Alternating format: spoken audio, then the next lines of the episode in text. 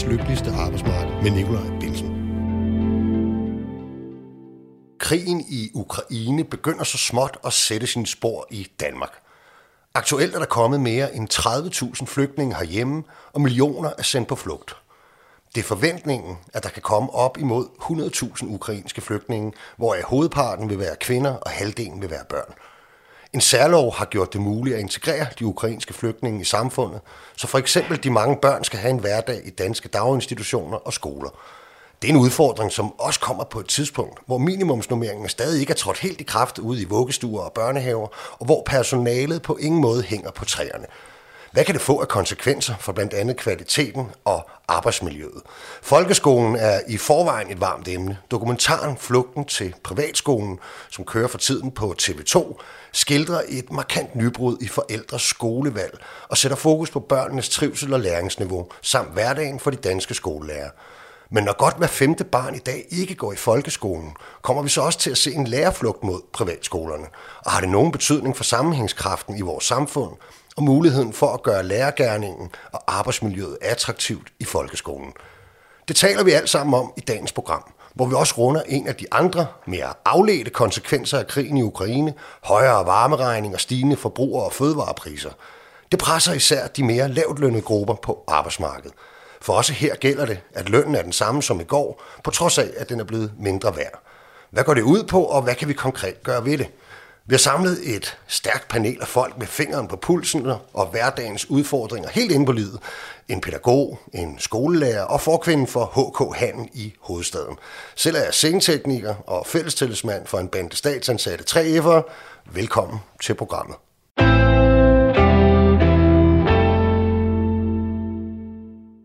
Og vi har jo altså snydt lidt, da vi også tillader os den luksus at holde lidt påskeferie. Så derfor så er dagens program optaget på forhånd. Man kan derfor hverken ringe eller skrive herind, ligesom der kan være sket ting, siden vi optog. Men skulle vi ikke øh, få præsenteret vores gæster? Og det tænkte jeg simpelthen, I, I selv får lov til. Skal I ikke? Øh, vi starter herover.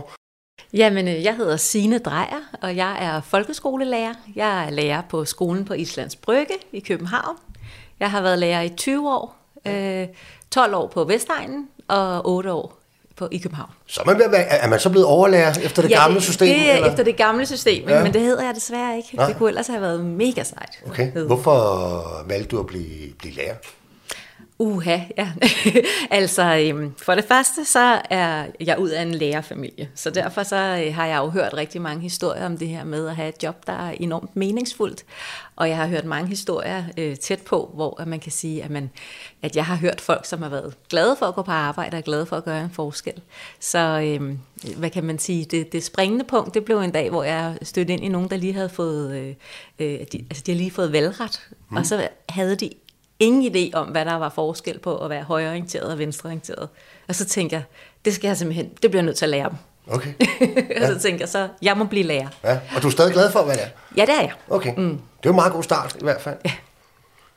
Og jeg hedder Sofie Berg, og jeg er formand for HK Handel i hovedstaden, og det betyder alle de ansatte i møder, når I er ude at handle i alt fra specialvareforretninger som IKEA og Magasin til dagligvarerbutikkerne i uh, Sallinggrupper og Coop.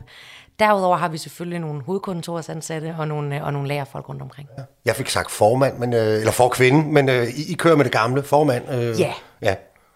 Det synes jeg også er fint nok. Og nu kan lytterne selvfølgelig ikke se, hvordan du ser ud, Sofie, men altså, jeg vil våge den påstand, at, øh, at du egentlig er sådan lidt yngre øh, i det. Det må jeg godt sige, må jeg ikke? Jeg tror, det er helt rigtigt. Med, mine, øh, med mine 27 år på banen, så er jeg nok i den yngre generation af dem, der øh, på en eller anden måde er blevet valgt i, i Ja, fordi det er det, jeg tænker, at nu så jeg lige, at der blev valgt en næstformand til HK Privat her den anden dag, øh, som jo var en, en moden dame, øh, tæt på de 60 år. Formanden for den gruppe er også øh, tæt på de 60 år. Og generelt er der nok mange, der måske har sådan lidt en fordom om, at, øh, at, at sådan nogle formand for store fagforeninger, det, øh, de, de skal helst øh, have mange år på banen. Men der har du altså sprunget ud i relativt ung.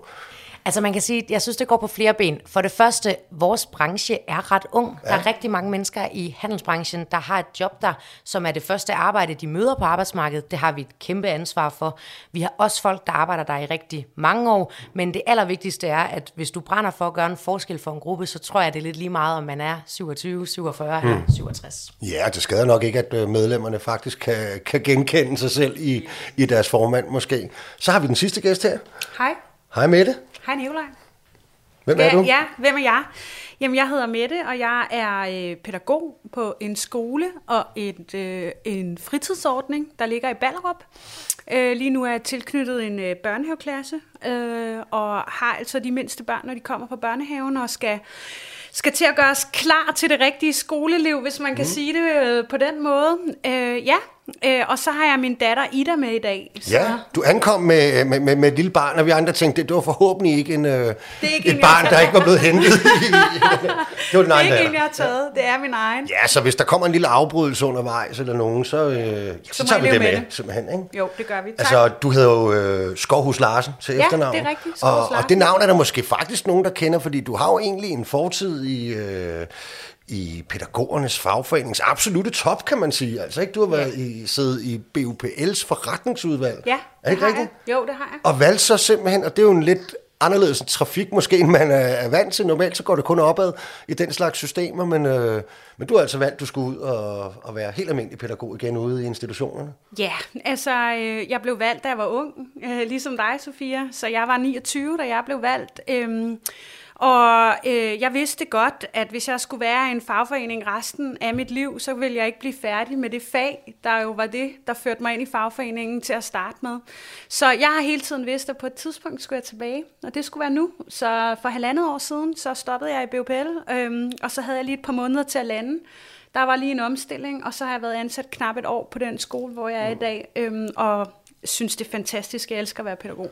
Okay, og Mette, altså før vi taler om, hvilke konsekvenser det har, og hvordan vi rent praktisk skal håndtere at skulle have en del, måske i hvert fald, ukrainske børn ind i vores skoleklasser og daginstitutioner. Så lad os lige tage en runde på, hvorfor det jo faktisk er, er en mulighed, modsat den, den sædvanlige politik, som gør sig gældende med, med flygtningen i, i Danmark. Altså det sker jo via en særlov, som for nylig er, er blevet vedtaget i, i Folketinget. Og altså, synes du med at det er den korrekte måde at forholde sig til, til, til den aktuelle situation? Altså for mig, så synes jeg, at alle børn har ret til skolegang og daginstitution. Så nej, der på det område synes jeg ikke, at øh, øh, der skulle have været gjort en forskel. Og der er jo også masser af syriske børn, for eksempel, øh, over afghanske børn, som, øh, som går i folkeskoler og daginstitutioner i dag. Det kom jo bare lidt senere, kan man sige, end da de gik på landevejen i 2015. Nej, for børn er det bedst at have en tryg hverdag, og alle børn, øh, mener jeg, har, har adgang til, øh, skal have adgang til skoler og daginstitution. Det, det må være sådan et princip, øh, jeg mener, der skal være. Sofie, øh, altså der er jo dem, som har påpeget, at særloven her altså måske sådan lidt udstiller problemerne med vores asyl- og flygtningepolitik, som noget, der ikke tager udgangspunkt i det, Mette taler om, altså børnenes tag og mulighed for, for integration, Omvendt siger regeringen og, og andre, at øh, det netop er en særlig situation, vi står i i øjeblikket. Første store krig i Europa i, i 30 år, og med længder den største flygtningestrøm, vi har oplevet øh, på vores breddegrader siden, siden 2. verdenskrig. Og hvis nærområder helt generelt havde det perspektiv, så var alle verdens flygtninge i virkeligheden langt bedre hjulpet. Øhm, og det var sådan set også en point. Hvor er du henne i, i den debat? Men jeg synes, jeg, jeg ligger mig fuldstændig op af med det i forhold til særligt børns øh, øh, behov for at komme hertil og have adgang til både skole og, og, øh, og institutioner i særdeleshed. Øh, det er jo noget, vi kritiserer andre steder i verden, når, øh, når særligt kvinder får det frataget, og unge piger får det frataget rundt omkring. Øh, jeg synes, der er en balance mellem øh, dem, der kommer hertil, det er måske bare en ekstra pointe, dem, der kommer hertil, og hvordan vi taler om dem. Og det er fordi, vi har jo også med, for i handelsbranchen skulle byde velkommen til nogen, der skal starte på arbejdsmarkedet, altså ikke, den, øh, ikke børnene, men de voksne. Og øh, jeg kan godt være lidt bekymret for, at vi glemmer, at det altså også er flygtninge, der har oplevet noget ret traumatiserende. Øh, og derfor glæder jeg mig meget til samtalen om, hvordan man praktisk tager imod dem derude. Ja, det gør, det gør jeg også. Inden vil jeg bare lige spørge dig, Signe, øhm, fordi Altså, hvad tænker du egentlig er forskellen på, at, at børn får lov til at gå i, i skoler og institutioner sammen med, med, med danske børn? Hvad, hvad for en forskel gør det for dem, hvad enten de ender med bare at være her øh, midlertidigt over en kort årrække, eller måske i virkeligheden skal være her i, i, i rigtig mange år? Det kan ingen af os sige noget om på nuværende tidspunkt. Nej, men altså jeg tænker da, at, at, at jo mere vi kan satse på integrationen, og at de kan lære øh, det danske sprog, jo nemmere er det for dem at, at være her og tage del i et samfund, hvor de skal ud og måske have et arbejde. Samtidig er jeg ikke bange for, altså nu hørte jeg lige min egen øh, lærerformand, øh, øh, Gordon Madsen, sige, at det kan da også godt være, at vi skal kigge på, er der nogle, øh, er der nogle lærere for eksempel imellem de, altså de flygtede. Fordi så ville det da give god mening, at de kan få lov til at undervise på ukrainsk. Altså, der det, også være pædagoger. Ja, ja, ja, altså det synes jeg egentlig er en super god pointe. Ikke? Er, er det så en god idé at gøre det? Så underviser man det. Hvordan foregår det egentlig, hvis vi lige er, er på skoledelen? Altså når der kommer sådan noget, nu der faktisk lige startet en, en ukrainsk elev i min uh, søns klasse. Jeg har indtryk af, at det bare foregår på fingersprog og engelsk, øh, og hvordan de lige finder Jamen altså, lige nu så foregår det på mange, mange forskellige mm. måder, afhængig af, hvilken skole du er på, og afhængig af, hvilken kommune du er i. Mm. Øh, på min egen skole, skolen på Islands Brygge, har vi ikke hørt eller set nogen endnu, men jeg ved jo for eksempel på Langeland, der har man jo lavet en hel klasse, der udelukkende består af ukrainske børn. Så det vil være meget, meget Det er sådan lidt modtagerklasseprincip, at man starter med at, at have dem der, og så sluser man dem langsomt måske ud i, i andre klasser? Ja, det tror jeg, man vil gøre, men jeg tror stadigvæk, der arbejdes på højtryk på at se, hvad vil man egentlig gøre, fordi det mm. afhænger jo også af, hvor mange, hvad er antallet, og hvor mange kommer, og hvor er det, og hvor er der plads, og alle mm. sådan nogle ting, ikke? fordi øh, altså før de ukrainske børn øh, kom, så kan man sige, så bliver man jo sådan screenet rent sprogmæssigt. Mm. Og nogle havner i en modtagerklasse, hvis de slet ikke kan noget som helst dansk. Og andre, de bliver måske ret hurtigt øh, indsluset i en almindelig klasse, hvis man vurderer, at deres øh, sproglige kompetencer er gode, og de hurtigt lærer. Så det er lidt forskelligt, hvad man vurderer. Okay. Mette, de første ukrainske børn, der, der er nogen, der allerede er startet i, i danske daginstitutioner. Og som nævnt i indledningen vil der utvivlsomt komme flere og mange flygtningebørn øh, fra Ukraine. Er vi gearet ude i landets vugstuer og børnehaver og fritidsklubber til, til, til den udfordring, og, og hvad indebærer den udfordring egentlig? Jamen ja, man kan jo kun svare både og, fordi at øh, selvfølgelig er vi ikke gearet til det. Altså det er jo ikke en situation, vi havde regnet med, der vil ske, så der skal jo arbejdes og findes nogle, nogle løsninger. Men samtidig så er det jo på mange områder øh, ikke øh, et nyt problem at skulle håndtere noget i daginstitutionerne og i skolerne og hurtigt omstille sig til at gøre noget andet. Øh, og rigtig mange lærere og pædagoger har jo lige været igennem coronakrisen, hvor der var sindssygt mange omstillinger, og selvom at vi selvfølgelig alle sammen er lidt kørt træt i de der omstillinger, så er det jo også noget, vi kan, fordi vi arbejder enormt omstillingsparat i hverdagen. Så, så både og er der, øh, øh, der er jo en masse gode folk derude, som kommer til at tage imod den her opgave, men, men et eller andet sted heldigvis har vi et system, der jo ikke bare øh, er gearet til, at der kommer 50.000 nye børn ind, der er flygtet rundt omkring i verden, fordi det er jo ikke, det er jo ikke ret tit, vi ser det sker, Nej, heldigvis. Heldigvis. Men, men prøv lige at tage os øh, sådan, altså, tage os lige med helt ud, var jeg lige ved at sige, i børnehaven. Hvordan, hvordan foregår det egentlig? Hvem og hvordan besluttes det, at det er din institution, og ikke den, der ligger fire kilometer væk? Øh, som skal tage imod to ukrainske børn for eksempel, og øh, er der særlig indkøringsproces, er der støtte, ekstra personale, eller hvordan, øh, hvordan foregår det, det helt konkret? Det vil være vildt forskelligt fra kommune okay. til kommune. I den kommune, jeg arbejder, på den skole, jeg arbejder, har vi skolen, eller kommunens eneste modtagerklasse lige nu.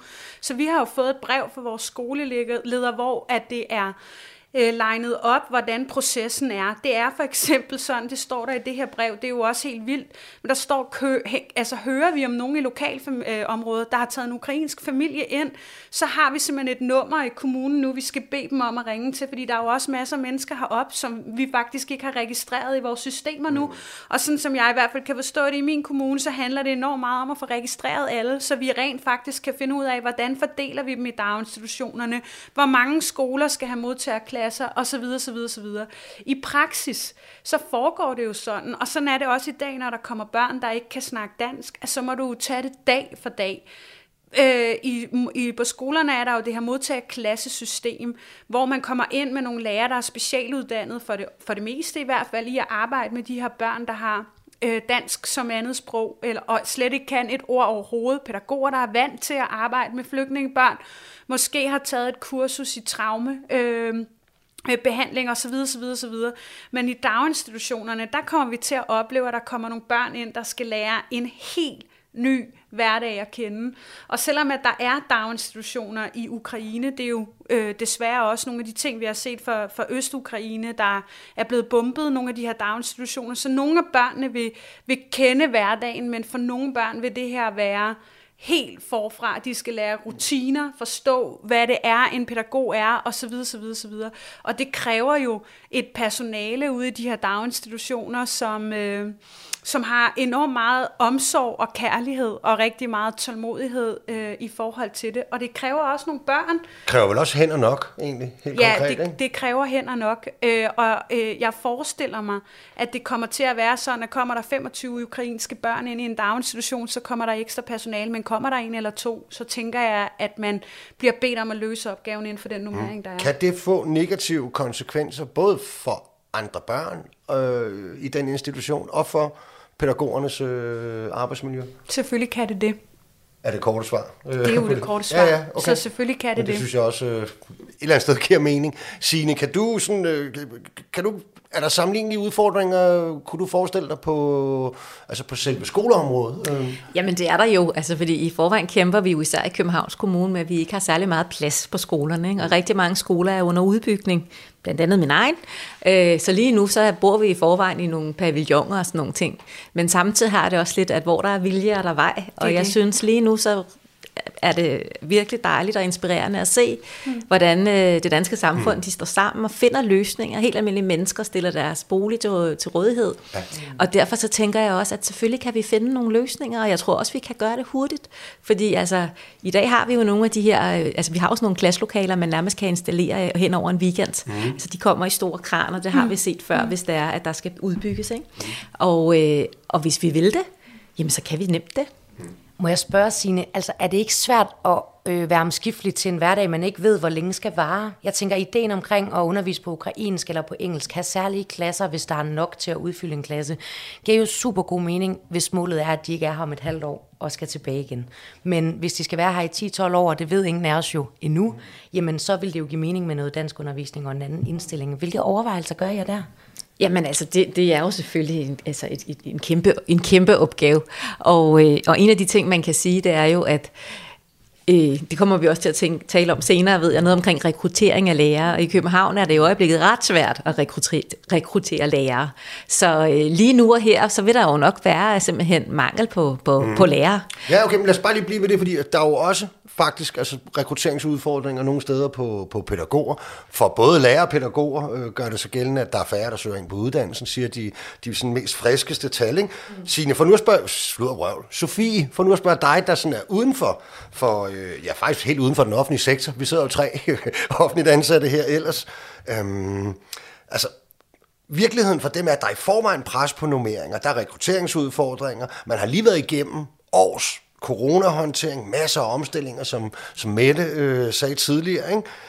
Øhm, og, og, og, og der blev jo faktisk ikke øh, givet sådan en særlig honorering til, til lige præcis de to, her to faggrupper, lærer og, og pædagoger, sådan modsat for eksempel sundhedsvæsenet, hvor regeringen var inde med en pakke.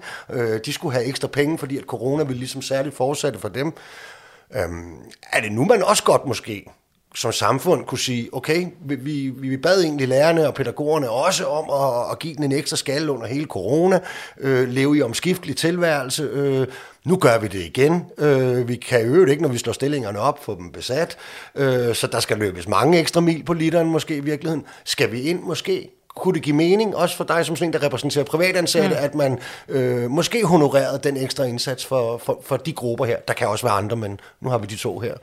Altså, jeg, øhm, øh, vi har heldigvis solidaritet fagbevægelsen imellem, og, og synes helt sikkert, øh, at, der, at der fortjener ordentlige lønninger, både for pædagoger og lærere. Om enkelt beløb er det, der redder noget, det, det, det ved jeg sgu ikke, om jeg tror på. Altså, jeg, jeg, jeg tænker, jeg synes, øh, nogle af jeres øh, ungdomsfagbevægelsen forklarer det meget godt. Der har været meget fokus på uddannelse, øh, og hvordan det er at uddanne sig til pædagoger og til lærer. Men vi er jo også nødt til at tale om, hvilket arbejdsmarked byder vi folk bagefter. Og det er jo altså ikke udelukkende, om man får et indgangshonorar på, på et beløb, fordi der har været en særlig situation. Hvad er en særlig situation? Øh, det synes jeg... Ja, og vi ved også, at øh, man skal ramme den meget præcis der. Hvis, hvis det er for lavt, så at bliver det en provokation mere, ja, end det bliver en... Øh, ja, honninghjerter. Ja, det går nok ikke. Altså, så, så det synes jeg faktisk er en svær balance. Men, men det er jo også to enormt øh, kloge kvinder her, der sidder og fortæller om nogle overvejelser, jeg ikke engang ville have gjort mig, øh, selv hvis jeg havde børn, der benyttede mig af deres... Jamen, lad os lige høre lidt flere overvejelser fra Mette, du markerede. Øh, jamen, jeg, tog, jeg, jeg, jeg fik bare lyst til at sige, at øh, fordi der er modtagerklasser på min skole, så det er jo bare, og det kan godt være, at folk ikke ved det, men der er 6-8 børn på mit fritidshjem i dag, som ikke snakker dansk, og som vi kommunikerer med allerede på engelsk og mm. fingersprog osv., osv., og som det lykkedes os at skabe relationer til, også selvom rammerne er ret øh, brede. Og øh, den modtagerklasse, der er på den øh, skole, øh, som jeg er, det er faktisk et attraktivt sted at være, for det er ekstremt meningsfyldt at arbejde i de her modtagerklasser og se de her børn, der kommer herop. Så, så jeg, vil, jeg vil bare give sine ret i det her med, at den her, vi skal nok finde en løsning på det. Og jo, jeg kan godt stå og råbe, at jeg vil gerne have mere i løn, og det vil jeg rigtig gerne. Og jeg synes også, at jeg fortjener det, og alle de her forskellige mm. ting. Men den her situation er for mig helt ekstraordinær. Det bliver jeg bare nødt til at sige. Og, og det er ikke fordi, at jeg ikke kommer til at gå ind i overenskomsten og, og, og, og stille det krav, der hele tiden er stillet om, at pædagoger skal have mere i løn. Men, men for mig så handler det om nogle mennesker, vi, vi ser de her forfærdelige billeder af fjernsynet hver eneste dag. De har fået smadret deres land og deres liv sådan her over 24 timer, og vi, de kommer herop, og vi skal hjælpe dem, og så må vi tage det hen ad vejen og finde ud af, hvordan vi gør det. Øh, så, og så øh, må det, der handler om løn, køre i det spor, der hele tiden mm. har kørt. Fordi vi fortjente også løn før, højere løn før corona, og vi fortjente højere løn, før de ukrainske børn kom. Så for mig er lønkampen en konstant mm. kamp, der er, fordi vi bliver for lavt lønnet som pædagoger, og Ukraine og de børn og de flygtninge, der kommer derfra, det skal vi løse i vores okay. hverdag. Mette, lige, lige til sidst i den her runde, altså... Øh, jeg laver mærke til, at, øh, at for eksempel KL, de har allerede været ude at sige, at hvis kommunerne skal lykkes med opgaven, så vil man gerne advare imod sådan noget som rigide klasselofter og nummeringskrav i daginstitutioner. alle de ting, der lige er ellers er blevet lovet og vedtaget, og alle de der ting. Ikke? Og, og i virkeligheden siger de faktisk, at det bedste vil være, hvis kommunerne fik maksimal frihed og fleksibilitet til at håndtere det her. Og, og når, og jeg kan jo godt høre, det giver mening et eller andet sted, men, men kan man også blive lidt bekymret, når man er personale og hører sådan et budskab der? Ja, og jeg synes et eller andet, de benytter sig af alle lejligheder til at råbe og skrige, at de vil have fjernet alle de rettigheder, vores børn her har, fordi det er jo i bund og grund det, de har. Elever har rettigheder til, at der ikke må være flere i klasserne. Nu har børn endelig også fået rettigheder til, at der ikke er for mange børn i daginstitutionerne. Øh, og når vi kan skille tingene ad og sige, her der er en opgave, vi skal løses, og lønkampen, det er den, vi hele tiden kører, så burde vores mm. arbejdsgiver også kunne gøre det. Jeg synes, det er frækt, de har været ude at sige det.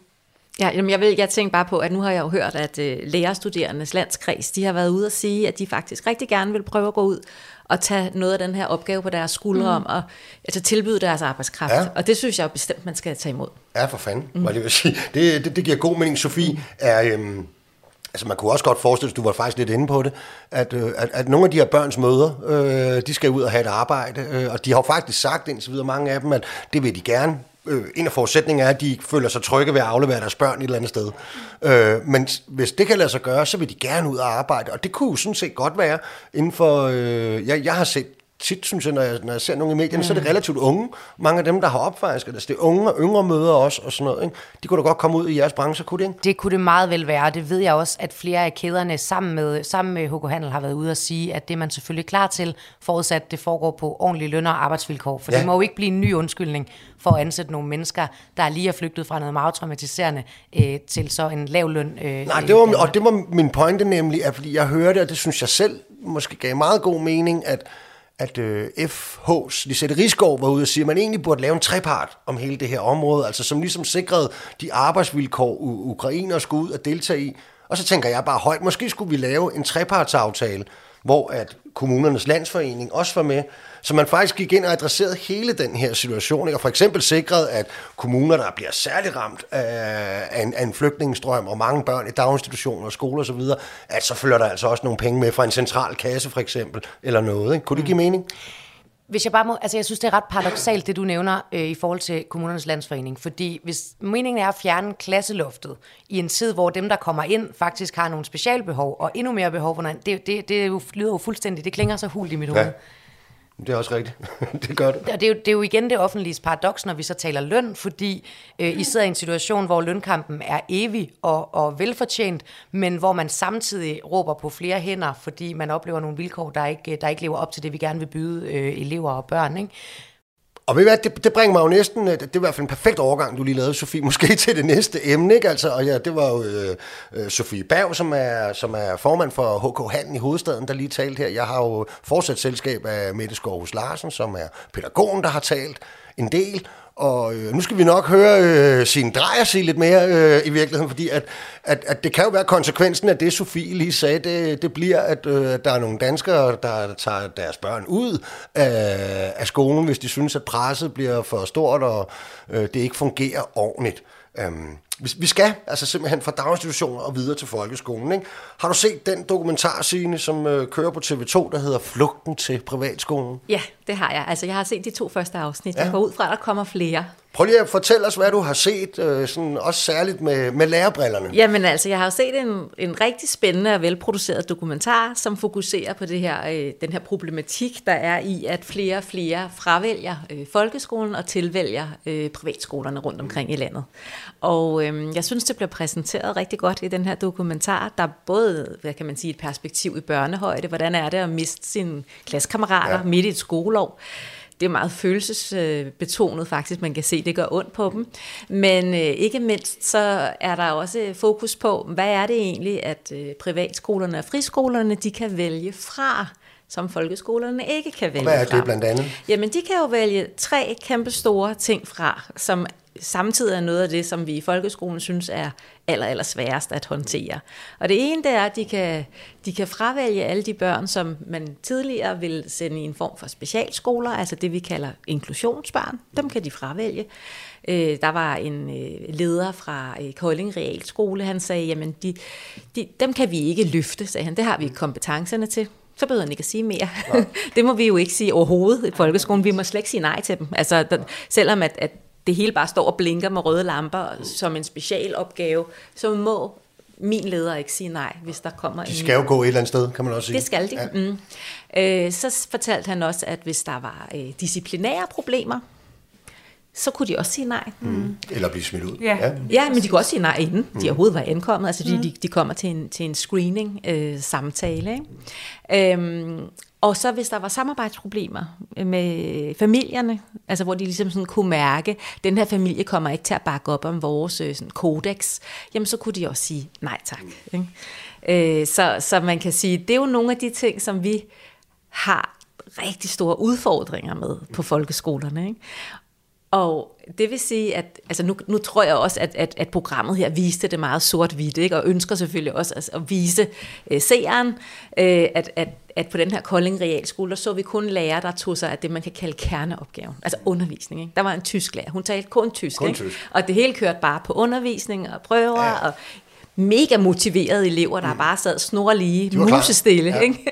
Og, øh, og hvor man kan sige, at rigtig mange folkeskolelærer fortæller jo, at en af de ting, som de, de er allermest overrasket over, når de kommer ud fra seminarietiden, øh, det er, hvor lidt kerneopgaven undervisning, mm. den fylder.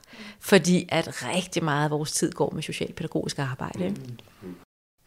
Lad os egentlig bare lige blive lidt ved ham, øh, skolelederen for Kolding, fordi at nu vil jeg lægge en ekstra ting oveni, som, som, som jeg registrerede, da, da jeg så den. Ikke? Øh, altså, fordi han siger jo øh, decideret, at, øh, at han øh, kunne mærke og registrere efter 2013, hvor vi havde den her lærerlockout, og I som lærer fik tvunget en ny arbejdstidsaftale øh, ned over hovedet, øh, i sidste ende ved et regeringsindgreb, og, og, og den jo især kredsede om øh, fysisk tilstedeværelse på skolen, og en anden type, kan vi så i hvert fald godt roligt sige, øh, forberedelsestid, ikke? og mindre frihed til den enkelte lærer. Ikke?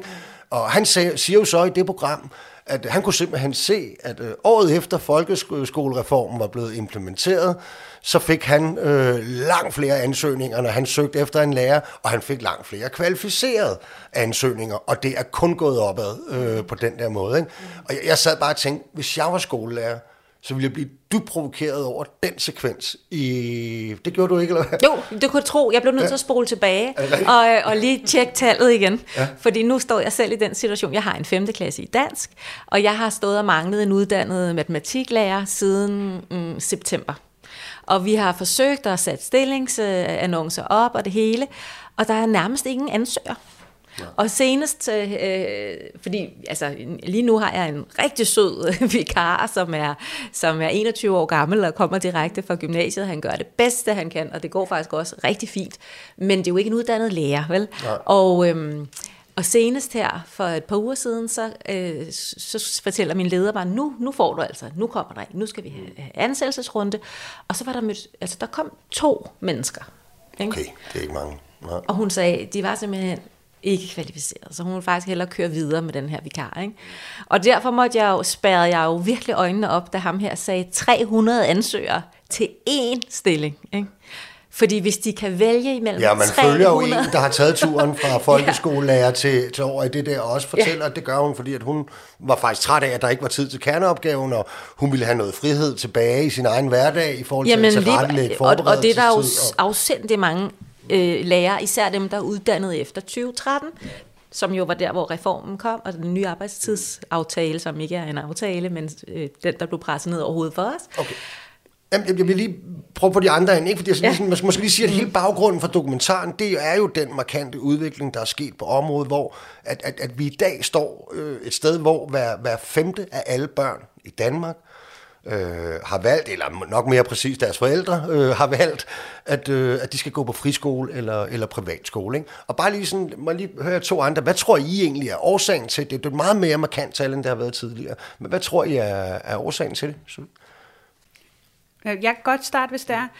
Altså, det er meget sjovt, fordi jeg er jo også på en, en folkeskole i de mindste klasser, øh, og bruger meget af min tid der, og så på fritidsordningen bagefter, men jeg er jo også øh, mor til to piger, som går i den, øh, i den danske folkeskole, øh, og jeg tror, øh, det jeg, det jeg kan høre også på mine øh, klassekammeraters, øh, eller min, min døtres klassekammeraters forældre, hvis man kan sige det på den måde, Øh, Øh, vi har lige haft, min datter har lige haft en klassekammerat, der er stoppet i sidste uge. Hun skulle godt nok ikke på øh, privatskole, men en lille skole i nabokommunen.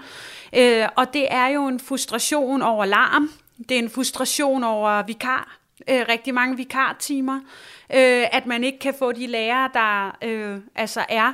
Øh, det er... Øh, manglende muligheder, når man oplever, at der kommer børn ind i klassen, som skaber uro og som skaber øh, de her frustrationer, der er i, øh, i fællesskaberne. Så det er jo sådan sammensurium af rigtig mange ting, der gør, at mange forældre de tænker, at de skal flytte deres børn. Øh, og, og samtidig øh, så, så står jeg jo også det andet sted og, og arbejder hver dag i folkeskolen og ved, hvad man kan gøre af forskel, når der er nogle rammer og nogle ressourcer til at arbejde med det, at vi kunne få mange ting, mange flere ting til at, at lykkes, øh, hvis der var øh, en, en opbakning, kan man sige, øh, til rent faktisk at gøre det. Min, jeg har nogle rigtig gode ledere, både på min BFO og på skolen, og vi får rigtig mange gode rammer til at arbejde med det her specialpædagogik, som du snakker om til dem, der har brug for det, men også bare klassefællesskaberne. Men jeg kan ikke lade være med at tænke om den der samfundskontrakt, øh, er ved at gå i opløsning omkring øh, folkeskolen, og der er for mange forældre, der har givet op. Og derfor er det blevet legitimt at flytte deres børn, og man kan også være fræk og sige, hvis nu den her samfundskontrakt faktisk ikke eksisterer længere på folkeskoleområdet, hvad delen af de her forældres lige, muligheder så? Jamen lad os lige høre, Sofie, fordi er det egentlig et problem, Sofie? Man kunne også vende det her om at sige, ja, okay, det giver måske nogle udfordringer for dem, der er lærer mm. i folkeskolen, men, men er det et problem i sig selv, at, at 20 procent går... et kæmpe problem. Altså, jeg, el, ja. jeg elsker den danske folkeskole, og jeg havde selv verdens bedste folkeskoletid. Jeg må bare sige, jeg tror, at den allerstørste forskel er, at der skal postes nogle flere penge ind. Det kan simpelthen ikke være rigtigt, at man skal sidde så mange eleverne, elever i klasserne stadig, som jeg også gjorde, da jeg selv gik i folkeskole i nullerne.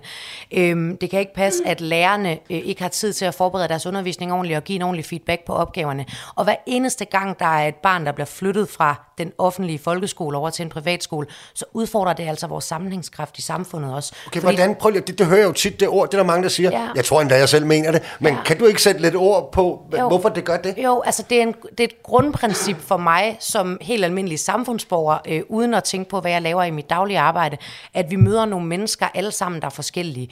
Og når vi skal møde mennesker, der er forskellige, så kræver det selvfølgelig nogle andre kompetencer. I taler om en social øh, kompetence og socialpædagogisk arbejde, øh, som ikke kun er undervi- i undervisningsøje med. Jeg hører også nogle meldinger om, at, øh, at der kan være lidt tvivl om, hvad forældrene betragter som opdragelsesopgave nogle gange øh, i forhold til, hvad der kunne ligge på forældrenes spor og lærernes spor. Men det, at vi samler nogle bestemte grupper af mennesker på nogle skoler, øh, Jørgen, hvor jeg kommer fra, var der øh, særligt, der var en stor privatskole, så var der selvfølgelig nogle friskoler.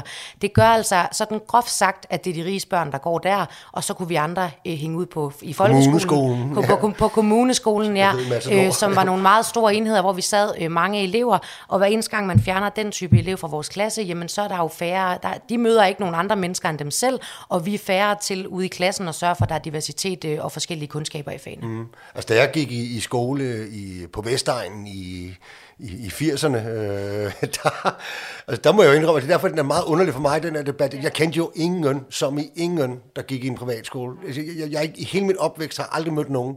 Der var en, der både over en villa, og han, han fik nærmest buksevand hver dag øh, i, i klubben. Ikke? Nå, men, ja, men, det var ikke så pænt, men jeg siger bare, det var meget, meget, meget unormalt men at gå vi i privatskole. Det, men altså. vi mener det jo mange steder i samfundet. Vi mener det jo også der, hvor du bor og vokser op. Ja, at det, det var det, jeg fundet ud af senere, at det var bare fordi, vi boede ja, i nogle højhuse. Og men vi skal have blandet bydel. Hvis det ikke starter skole. i folkeskolen, jeg vidste faktisk ikke, man må kalde det børnehaveklasse længere. Jeg synes folk tit griner og siger, at man skal kalde det 0. Det, det, det, det hedder det ude. Det hedder Nå, det var godt. Det glæder mig trods alt. Så er der noget, der er, som det plejer at være. Men det er helt ærligt, hvis man ikke lærer det, når man er 5 eller 6 og starter starter i børnehaveklasse, og når fanden skal man så kunne mm. det senere i livet?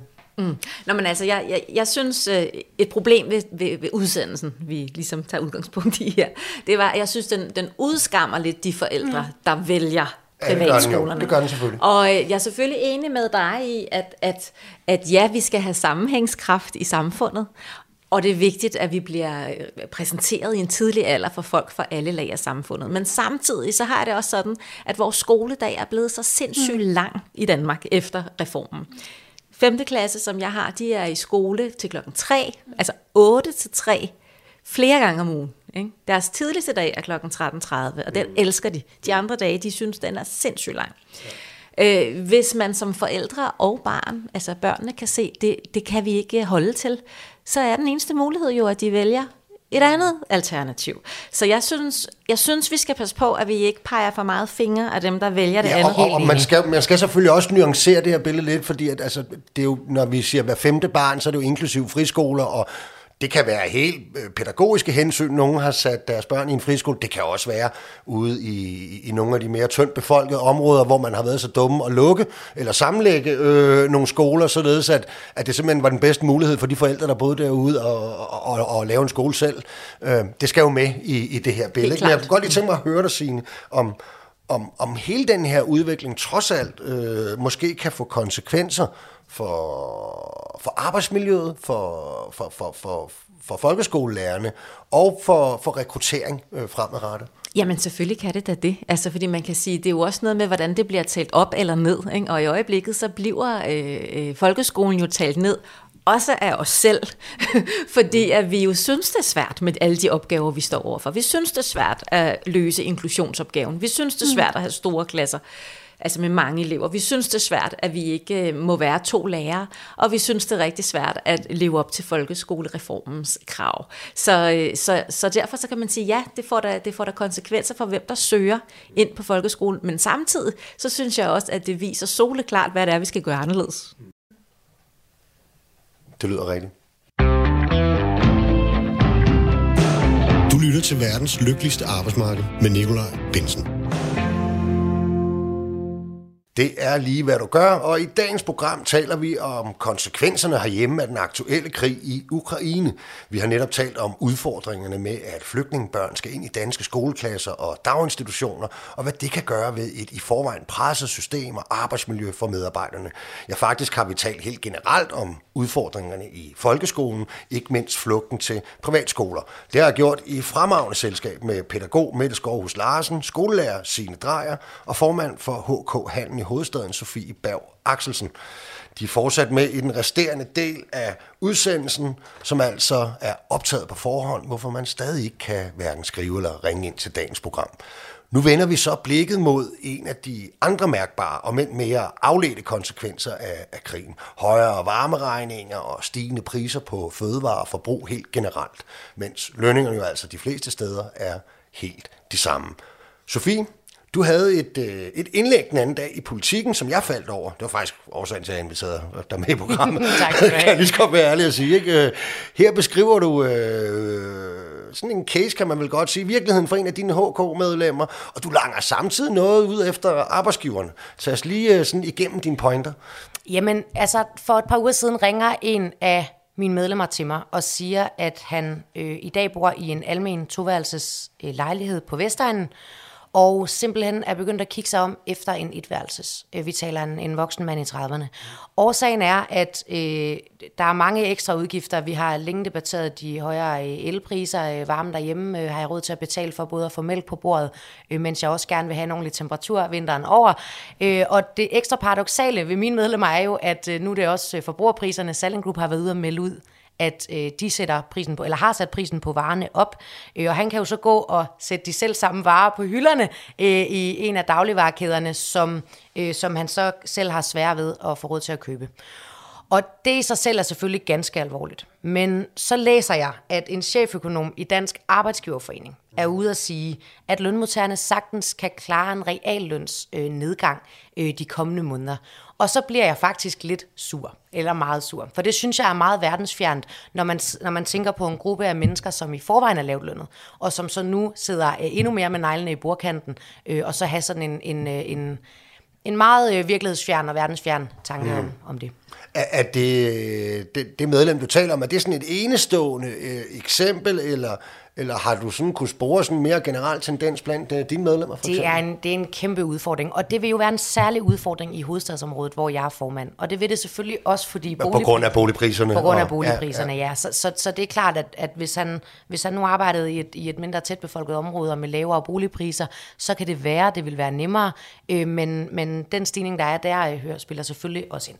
Mm. Det kritiske spørgsmål, altså, ikke? Det, vil jo, det vil jo lyde, at, at hvis lønrammen fra den seneste overenskomst, der blev forhandlet hjem til, til medlemmerne, ikke kan modstå den nuværende inflation og, og pres øh, på, på både varmeregningen og, og fødevarepriserne osv., så, så så har dig og andre øh, formænd fra fagforeningen vel bare ikke gjort øh, arbejdet godt nok. Det kan jeg godt forstå. Jeg tror, at det er øh, klart øverst på vores dagsorden at sikre noget mere i løn. Der var ikke nogen, der kunne spå om, øh, apropos vores start på udsendelsen, hvad der er sket i Ukraine og de konsekvenser, det har haft her. Og det her er jo ikke kun noget, der gør sig gældende for mine medlemmer, men øh, mine medlemmer tjener bare i den, i den lavere ja. ende. Jeg tror, vi hørte... Hvad er det? Prøv lige at sætte et nogle Jamen, tal en, på det. en Sofie. gennemsnitlig faglært tjener 23.700 kroner øh, af, af vores medlemskar. Øh, og så er man altså øh, uddannet i to år i, i typisk i butik, vil det her være. Øh, og, og, så, øh, og så kan man så... Øh, det, det er sådan set ikke, fordi hvis man har været der i 20 år, så ser man frem til 30.000. Jeg tror, det er rimelig repræsentativt. Og vores gennemsnit er på, er på 23.700. Okay. Det er også, altså, det lyder i den lave ende, altså, må Ja. jeg sige, ikke? Ja. Øh, altså, faktisk, altså, må jeg lige høre jer andre, kan I også, kan I genkende billedet af, af, af prisstigninger derude, øh, og så videre? Har du fået en dyr varmeregning, for eksempel? Nej, men lige præcis øh, i Albertslund, hvor jeg øh, øh, bor, øh, er varmeregningen ikke steget i samme grad, øh, fordi det er et eller andet med, at vi får varme for noget grønt. Så, så, så det har Albertslund Det var Kommune. De har været forudseende ude Ja, i men det, Albertslund. øh. ja, det på nogle områder. øh, så, så varmeregningerne i Albertslund er vist ikke steget lige så meget, som de er øh, andre steder, men selvfølgelig kan vi mærke det. Vi kan jo mærke det alle sammen. Ja, min Øh, en tredjedel, kan jeg bare lige sige, bare for at få, det var sådan en tredjedel ekstra øh, af det, vi skulle smide. Jamen, det er jo det. Altså, så, og, så, så selvfølgelig kan vi mærke det, men vi kan jo mærke det, når vi er ude og købe ind. Altså. Ja. Kan du også det, Signe? Ja, jeg kan især se det på, på elregningen. Ikke? Ja. Altså, at, at man tror lige, at man har kigget lidt forkert. Jeg måtte lige ja. snakke med min nabo, om, om hun havde oplevet Jo, og nu er I samme. jo vel, man kan vel godt sige, at skolelærer er, er trods alt, hvis, i hvert fald hvis du sammenligner med, med dem, Sofie sidder og taler om, altså som tjener 23.500 øh, om måneden, der har man jo noget mere at stå imod med, som altså, de fleste skolelærer i hvert fald, og du har efter så mange år, kan man sige, øh, selvfølgelig ikke, øh, men ligger man selv med den indtægt, du har, nu aner jeg jo ikke om dine udgifter med bolig og alt muligt andet, men, men lægger man også mærke til, hvad man tager ned i indkøbskurven? Der, altså lægger du mærke til, at, gu, øh, at gulerødder og gurker faktisk er stedet på kroner og mælk? Øh, Ja, det har, det har jeg da lagt mærke til. Ja. Men altså, jeg synes selvfølgelig, der er kæmpe stor forskel på, om man sidder og bliver nødt til at udskifte Ja. sin lejlighed, Ja. fordi man måske simpelthen ikke kan komme igennem det, uden, at, uden at, at bo i en mindre lejlighed. Eller er man måske mere der, hvor man skal lægge nogle vaner om. Ja. Fordi der kan man sige, der er det jo egentlig meget heldigt, at det lige præcis er el, der rammer, når vi nu i forvejen øver os på. Men det er jo meget, altså det du snakkede om, Sofie, det var jo sådan, det lyder meget dramatisk at sige, øh, jeg overvejer at flytte til en, øh, en, en billigere lejlighed, ja. simpelthen, ikke? og hvor ja. er den så henne i øvrigt? Ja, det er nemlig næste spørgsmål. Ja. ja, hvor er den henne? Ja. Ingen steder. Det, ja. det er et kæmpe problem. Altså, vi har jo også medlemmer, der tjener, øh, må jeg forestille mig, cirka det er en folkeskolelærer, tjener, tjener i gennemsnit, og de mennesker rammer det jo også det her. Det er jo ikke sådan, man kan tale om, øh, om at det ikke er en udfordring for, for de fleste danskere, det der sker nu. Øhm, men, men jeg synes, der er en særlig krølle på, når folk, der så har sit på det tørre, nemlig arbejdsgiverne, går ud og siger, at det kan vi sagtens håndtere. Og det kan godt ske, at nogen af os godt kan håndtere det, men man er simpelthen nødt til at huske den gruppe, for hvem det kan være rigtig kritisk øh, at skulle vælge imellem, øh, om der skal være varme derhjemme, øh, og om man kan få agurk oven på, på leverpostejsmaden. Jo, jo, og det, det, det der, jamen bare komme med det. Jamen, og jeg vil bare sige, nu sad jeg før der og sagde, selvfølgelig skal vi løse udfordringen med de børn, der kommer ind i vores daginstitutioner og folkeskoler, hvis man spørger mig, og det mener jeg også, det øh, kræver vores øh, faglighed og den uddannelse, vi har haft, men de skal bare pille en gang med min løn, så bliver jeg pilravne mm. rasende, det kan jeg godt fortælle, fordi at jeg knokler røven ud af bukserne hver eneste dag. Tingene bliver dyre, og nej, vi skal ikke gå ned i løn, ligesom vi heller ikke skulle gå ned i løn under corona. Det kan simpelthen ikke være rigtigt, at nogen tænker i det, og at de vil udnytte det, både til at fjerne børnenes rettigheder, men også til at sætte os ned i løn. Det synes jeg simpelthen er så ulækkert af arbejdsgiverforeningerne. Jeg bliver, jeg bliver simpelthen så rasende, når jeg hører det. Det kan jeg godt mærke. De skal bare holde fingrene væk fra vores løn. Slut. Jo, men altså, man kan selvfølgelig sige, at altså, os, der sidder her, og som er offentlige ansatte, vi havde jo også virkelig en meget smal øh, overenskomstramme. Øh, det må man sige. I kølvandet på corona. Ikke? En lønramme på 5,2 procent, og det er ikke engang alt, der blev udmyndtet i, i, i konkret løn. Vel, ikke? Øhm, og den blev forhandlet på et tidspunkt, hvor samfundet stadig var underlagt store coronarestriktioner. Og det er ingen hemmelighed, der op til den her, nu kigger jeg lidt over på dig med det ja, igen, ikke? det, det er jo ingen hemmelighed, der op til den forhandling var stor uenighed internt i, i fagbevægelsen. Ikke? Et flertal af forbund ville faktisk godt have udskudt forhandlingerne et år, lavet den gamle overenskomst fortsætte, ud fra en tankegang om, at øh, nå, så er der måske kommet lidt mere gang i det private, og lønningerne er steget lidt mere derude. Det får en afsmittende effekt hos os. Plus, vi er helt fri af coronarestriktioner, så måske er det der med at gå i, i konflikt, det er en lidt større trussel, hvis samfundet trods alt kører normalt. Øh, og man kan i hvert fald sige, at øh, sygeplejerskerne, de, de valgte jo konflikten, øh, og fik trods alt ikke, øh, kunne man nok våge påstå, særlig meget ud af det. Du sad i Bubels ja. forretningsudvalg dengang, ikke? Og I var jo et af de forbund, der, øh, ja, så... der stod fast på, nej, vi skal forhandle nu, vi skal i hvert fald ikke vente et år til, og sådan noget. Øh, altså, tog I fejl dengang? Nej, og det synes jeg egentlig, det viser ret godt nu, fordi grunden til, at vi stod fast, var jo fordi, at hvis vi havde udskudt forhandlingerne et år, så var folk gået ned i løn under corona.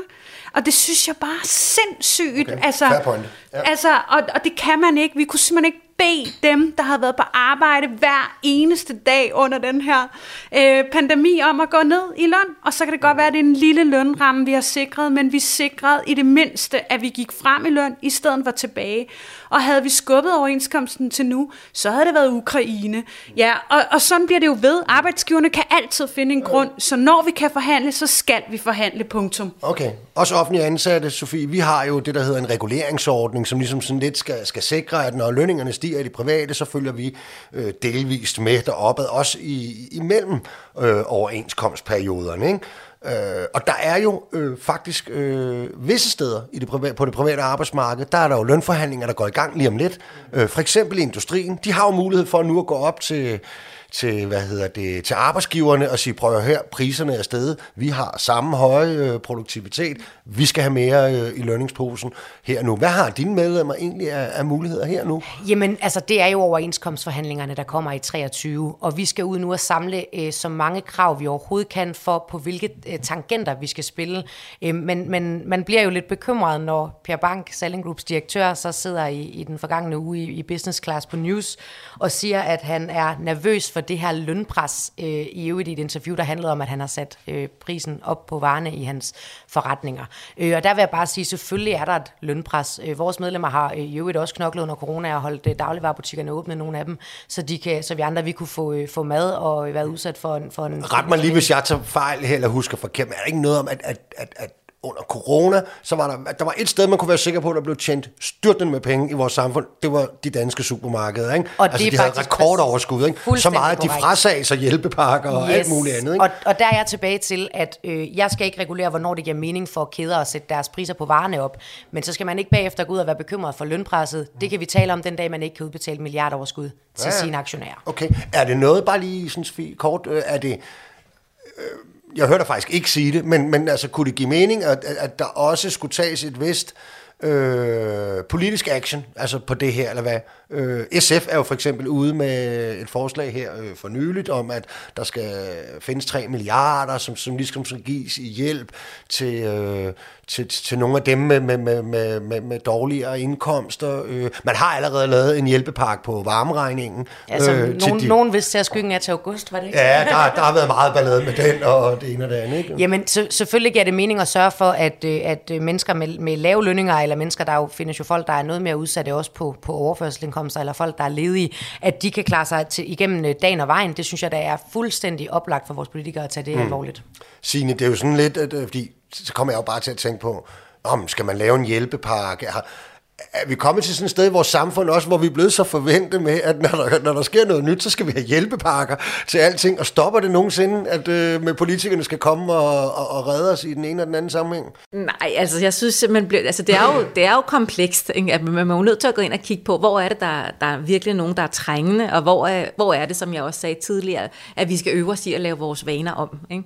Vi, kan sige, vi har jo snakket længe om, at vi skal bruge mindre el i forhold til grøn omstilling osv., og, og især også øh, diesel og benzin selvfølgelig, og er, er det her, hvor vi bliver presset til det endnu mere, fordi nu kommer der også noget, noget penge ind over, altså hvor man kan sige, ligesom i Men corona... er der ikke trods alt en detalje der at sige, men der findes jo nogle samfundsgrupper, som for det første ikke kan det, som man kan i industrien, eller Sofie kan for sine medlemmer til næste år, vi kan som offentlige ansatte med en reguleringsordning. Altså der, der findes jo studerende og pensionister og arbejdsløse, som ikke kan kræve mere i løn af nogen andet end af, af politikere, hvis det er ikke. Der findes nogen, hvis indtægt og, og hvad kan man sige, livssituation ser ud på en måde, som gør, at den der også grønne omstilling sådan helt hjemme i det private, det, det er en kæmpe udfordring. Altså, og måske endda lidt arrogant at sige til dem, at så må de lige lægge nogle vaner om. Ja, nå, men det er bestemt, øh, inden, ikke? men det er også derfor, jeg synes, at man bliver nødt til at kigge på de forskellige befolkningsgrupper mm. hver for sig. Ikke? Fordi at dem, som bliver nødt til at gå for hus og hjem, de skal selvfølgelig ikke begynde at betale nogle mega høje grønne afgifter. Tværtimod, det er dem, der skal have noget hjælp. Men altså, jeg synes da, at altså, man kan da også godt overveje, om sådan en altså, øh, arbejdsgiver, øh, eller et, altså, dem som Selling Group for eksempel, de har jo tjent helt vildt meget under corona. Det har de selv sagt. De har haft rekordoverskud de sidste par år. Øh, skal de egentlig tjene lige så meget, som de plejer i den her situation? Eller kunne man måske godt sige, okay, nu er det jeres tur til Ja, at gå det er jo, ned? man kan sige, skal vi, Sofie, skal vi hæve skatten, og, og, og, og sagt bredt set, den kan man jo hæve, så den rammer, hvor man nu synes, den skal ramme. Den kunne ramme øh, nogle af dem, der tjener rigtig mange penge, selvfølgelig. Er det, er det sådan noget, der er gangbart? Nej, altså mit ærne er ikke at, at, at fastslå, hvornår det giver mening med forskellige øh, be- beskatninger på forskellige områder. Mit ærne er at fastslå, at man ikke både kan gøre det, og samtidig mene, at, øh, at mine medlemmer skal have løntilbagegang. Mm. Det synes jeg er fair. Ja, uh, der var to, der markerede med det samme. Vi starter med med det. Nej, men jeg vil bare sige, at jeg så godt den der hjælpepakke, og jeg, altså, jeg, jeg er helt enig i det, du siger, Nikolaj, i forhold til, at der er selvfølgelig nogle samfundsgrupper, man bliver nødt til at løfte, men jeg grinede faktisk lidt, da jeg så det, fordi det er blevet jo, øh, der er nogen, der skal have en hjælpepakke, ikke? fordi sådan var det også under corona. Og jeg tror, øh, og jeg mener det her oprigtigt, vi skal også passe på, at politikerne nu ikke deler gaver ud, hver gang de har muligheden for det. Vores overenskomstsystem kan meget. Jeg mener, arbejdsgiverne skal tage et ansvar nu. Enig. Slutbrudt finale. Signe? Nå, men det var bare mere, altså jeg tænker, det behøver jo ikke nødvendigvis at være afgifter, vi tænker på, at de øh, rigeste skal give.